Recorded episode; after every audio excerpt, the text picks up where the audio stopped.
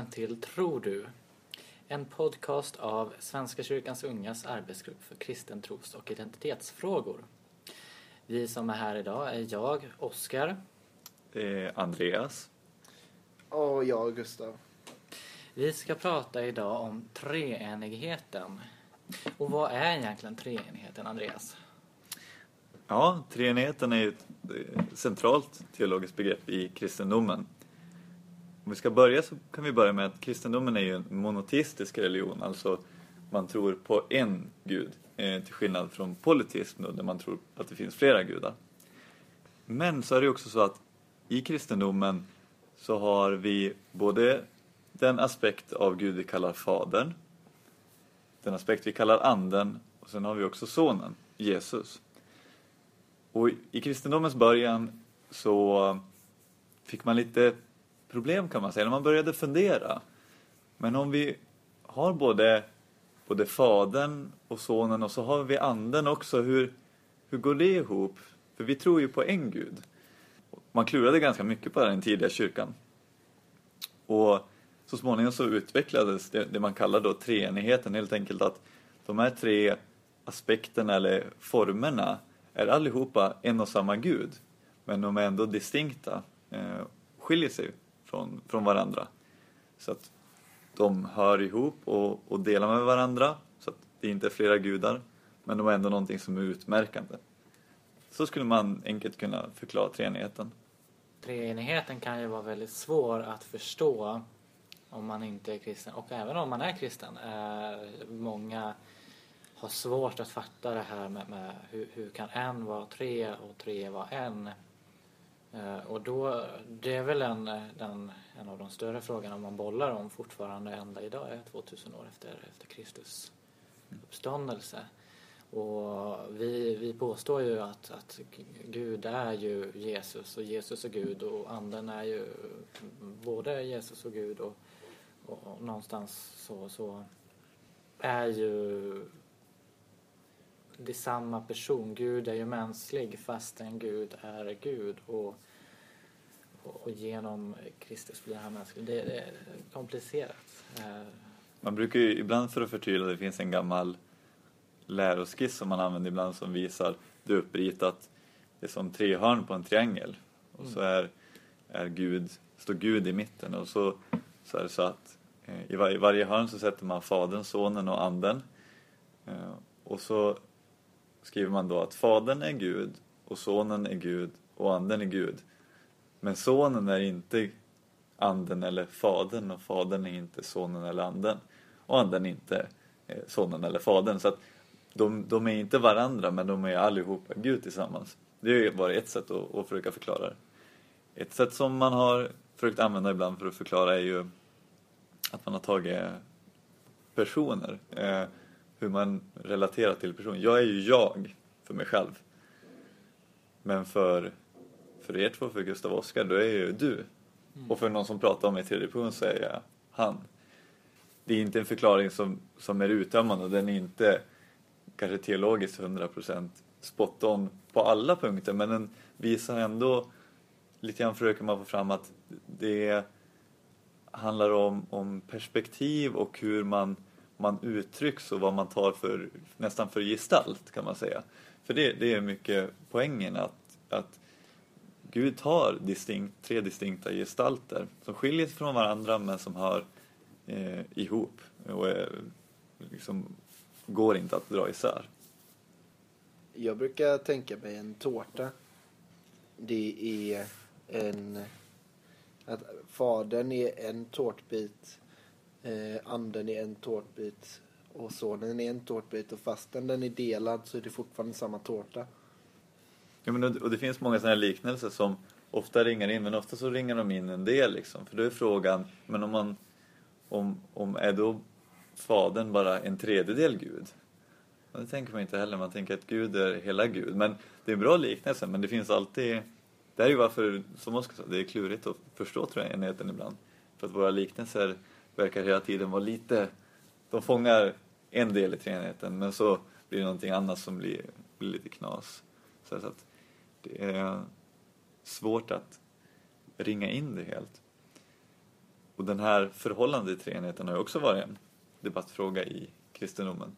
I Bibeln så är det ju inte så att det står uttryckligen en färdig lära om treenigheten. Det var ju någonting som växte fram.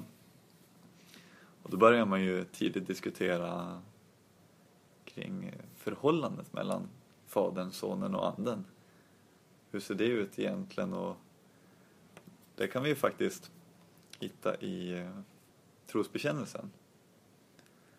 I den nicenska trosbekännelsen som man, man antog där kring år 300 så säger man det att, att Jesus är född och inte skapad. Det finns en anledning till det, för att man ville understryka att det är inte Fadern som har skapat Jesus, som allt annat är skapat, därför att då, då tänkte man att då skulle Jesus vara liksom ett snäpp under Fadern då. Så att då finns många sådana där formuleringar spelade i trosbekännelsen som kan visa på, när man börjar gräva i det, att det fanns en debatt kring de här frågorna. Och just mycket gällde treenigheten och först gällde det Jesus status som Gud och senare så gällde det andens status och vart anden kom ifrån. Jag tänker att man kan använda tre... Vi, vi, är väldigt eh, lyckligt lottade kanske man ska säga. Att vi, vi har tre aspekter i samma, samma väsen. Att behöver vi en faders eller moders gestalt för den delen så, så kan vi få det. Behöver vi en, en, en mänsklig gestalt eh, som, också kan göra misstag så kan vi få det. Eller behöver vi något övernaturligt som kommer och eh, tar hand om oss när vi har det som svårast så får vi det också. Och, och, och där är ju den där diskussionen om, om, om hur, med politismen, hur, hur funkar det verkligen om, om det är tre igen? Men, men någonstans så gör det ju det. Det är väl det som gör hela kristendomen till vad vi är. Det här mysteriet. Hur tre kan vara en. Jag tror inte man ska försöka bestämma någonting, eh, komma fram till något. Eh, så här tycker allihopa, det här, är- det här är ett riktlinje. Utan det kan få vara ett mysterium och olika människor får jättegärna tycka olika i den frågan. För jag tror att det är också det som gör våran mångfald till att, att det betyder inte samma sak. Men någonstans så är det ändå en, en, en djup samhörighet. Mm. Det är ju fascinerande att se också att olika människor kan ha olika stark koppling till de Ja. olika liksom delarna av treenigheten. Och det kan också, samma person kan skilja sig från olika perioder i livet.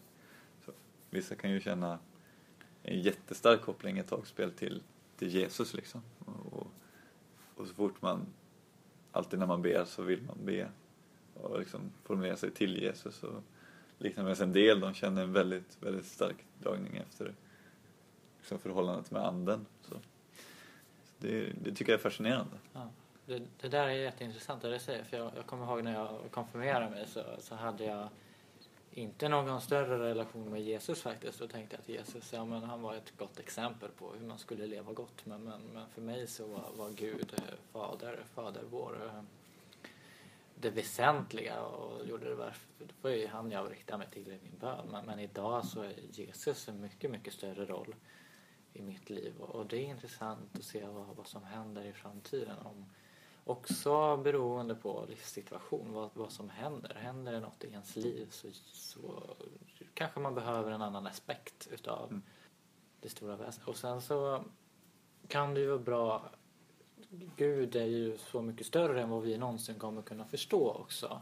Och, och ett sätt för oss att försöka förstå sig på Gud kan ju vara genom tre olika, eh, de här tre olika aspekterna. Ehm, för, för Gud som helhet tror jag heller inte att vi eh, kommer någonsin kunna förstå på riktigt. Men eh, genom att eh, gå till anden eller fadern eller sonen så kan vi få en liten glimt av fantastiska Gud.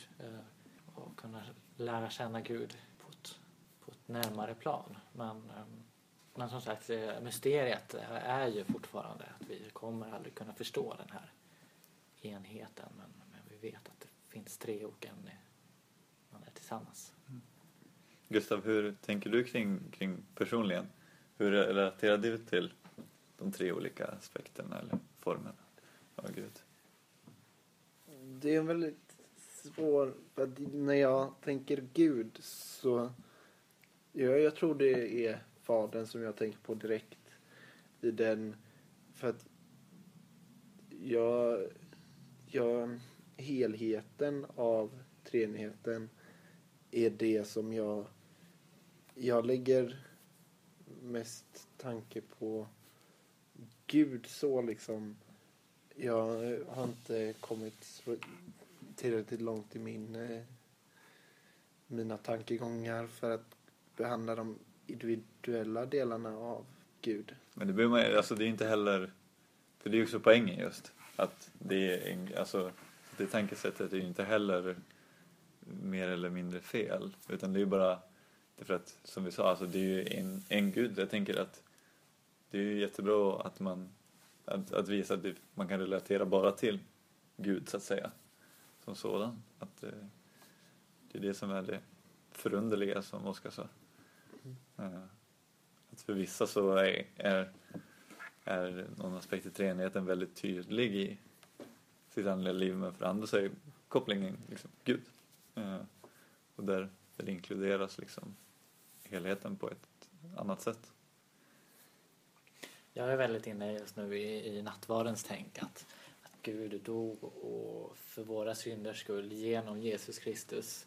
Och idag så har vi fortfarande kvar eh, anden på jorden genom nattvarden som kommer till oss. Och, och därav så blir alla tre en för att eh, för Gud någonstans, Fadern dog i Sonen och uppstod eh, till himmelen och lämnade kvar anden. Och, och där har jag hakat på just nu eh, och det betyder väldigt mycket nattvarden för mig så eh, i treenighetsfrågan att, att via nattvarden eller genom nattvarden så, så eh, ser man en, en bild av tre Mm. men en Mm. i respektive del.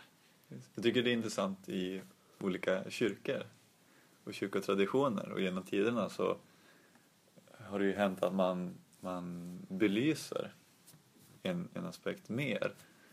Eh, och det är intressant att kolla vad som händer därför att det är bra att fundera över treenigheten för det kan, då kan man inse att det finns aspekter av det kristna livet som man lite grann har missat eh, om man, om man känner att man saknar det de, de här, någon av aspekterna karaktäriserar. Um, om vi kollar på, på den lutherska kyrkan så har vi väl en ganska stark koppling till just eh, Jesus. Till, speciellt till, till evangelierna i och med att lutherska kyrkan var så fokuserade på, på Bibeln och, och ordet. Och då är det klart att det uppstår gärna en stark koppling till Jesus och, och men även i nattvardstänk. Samtidigt så har, har Fadern också varit en, en ganska stor del av, av kyrkan. Däremot skulle man ju kunna hävda om man tittar på kyrkohistorien och liknande att anden har inte varit lika tydlig utpräglat i, i kyrkans uttryck. Det betyder inte att anden inte har funnits där. Men det betyder att kyrkan kanske inte har uttryckt anden på, lika tydligt som, som sonen och fadern och det är intressant tycker jag. Om man jämför med karismatiska kyrkor, många sådana traditioner. Där har man ett, ett väldigt fokus på, på anden och på det sätt de tolkar anden. Det kan man också ha en, en stark koppling, personlig koppling till, till eh, Jesus. Men man förhåller sig, man tolkar båda aspekterna annorlunda men man förhåller sig också annorlunda till dem. tycker jag är intressant att det finns flera sätt att eh, förhålla sig till dem, att det kan, kan få sig en skillnad. Jag tror att det, blir, det är nog lättare att relatera till fadern och sonen. För att sonen är människa och fadern är inte människa men fadern är mer alltså anden är mer abstrakt än eh, fadern och sonen. Så jag tror att det, det är nog lättare att ja, men relaterat till fadern och sonen, speciellt sonen, än vad det är till eh, anden. Ja, jag tänker att, att eh, dels lite det du säger men, men att Förr så var ju anden mer självklar, eh, tror jag. Att, att anden, andens varande ifrågasatte man inte för, för, för eh, tusen år sedan så var ju eh, Eh, det, det oförutsägbara, det, det, det kunde man inte förklara och då var det ju lätt, ja men det är anden som, som är ödet. Men idag så har vi liksom så mycket vetenskap som säger emot det här och, och det är just därför genomslaget i karismatiska samfund med anden liksom och, och behovet av att prata ande idag har blivit så mycket större än vad det har varit. För jag tänker att eh, Fadern och Sonens varande har inte alltid varit lika självklar som anden. Och anden har liksom genom tiderna ofta, tror jag, varit en självklar del. Så att man, man, man tänkte att men anden, det, tyck, det är alla överens om att anden, andens varande eh, och, och verkställande på jorden. Men, men idag så, så behöver vi se eller få höra mer om, om, om anden. Så jag tror det är därför genomslaget i till exempel karismatiska samfund har, har blir så stor. För att, att man ryms, i våra samhälle så ryms inte det övernaturliga. Uh, och, och, och, då måste det finnas ett forum att kunna prata om det övernaturliga, vilket kyrkan då har varit. Och genom den nya traditionen då som kommit nu senare så har, har gett det, det forumet så att säga. Men jag tänker också att, att, alltså att anden för en del kan ju höra ihop med egenskaper som är upplevelser som är fantastiska men inte i, i strikt mening övernaturliga också. Mm. Och att lite grann så har, har man ju kanske då också, det är lite synd man har tappat chansen att prata om, om alltså personliga erfarenheter och vi pratar ju i Lutherkyrkan pratar vi mycket om kallelse och vad man är kallad till. Och det för mig tänker jag, det är väl någonting där, där anden hör till liksom vad människans uppdrag är och sin plats i världen och den är också känslan och, och, och den, den andlighet man kan känna, där är ju anden ytterst närvarande. Men jag tänker att det är lite grann också att vi kanske har, har vi, vi saknar språket lite grann för att prata om anden på oavsett sätt lite grann också. Så kan jag känna lite grann ibland. Ja, det här med teologi är ju oftast eh, väldigt svårt att prata om idag generellt. Eh, så, så absolut, och även i de forum där man, man eh, förväntas få vara öppen med, med är det lite, fortfarande lite svårt att, att gå in djupt. Och det är därför det är så viktigt med de här retreat-verksamheten som finns, att man får gå in i, i sig själv och, och, diskutera med sig själv om, om vad, vad, vad det där är det där är och, och kallelse till exempel också. Vad, vad är det för något? Mm. Är det anden som kallar eller är det... Jag tänker kristen bön och meditation ja. är liksom sett som, som den delen av treenigheten kan vara lättare att, att ta del av och, och känna sig närvarande. Tänker jag så att, ja. Och med det så var det nog allt för den här gången. Men vi kan säga att eh, treenigheten är ett komplext ämne. Eh, och går att diskutera väldigt mycket mer. Tack för oss. Vi finns på Twitter, snabel svk unga tro. På Facebook, tror du. Och på våran mejl, tro Svenska kyrkans unga.se. Tack och hej från oss. Hej då! Ha det gött!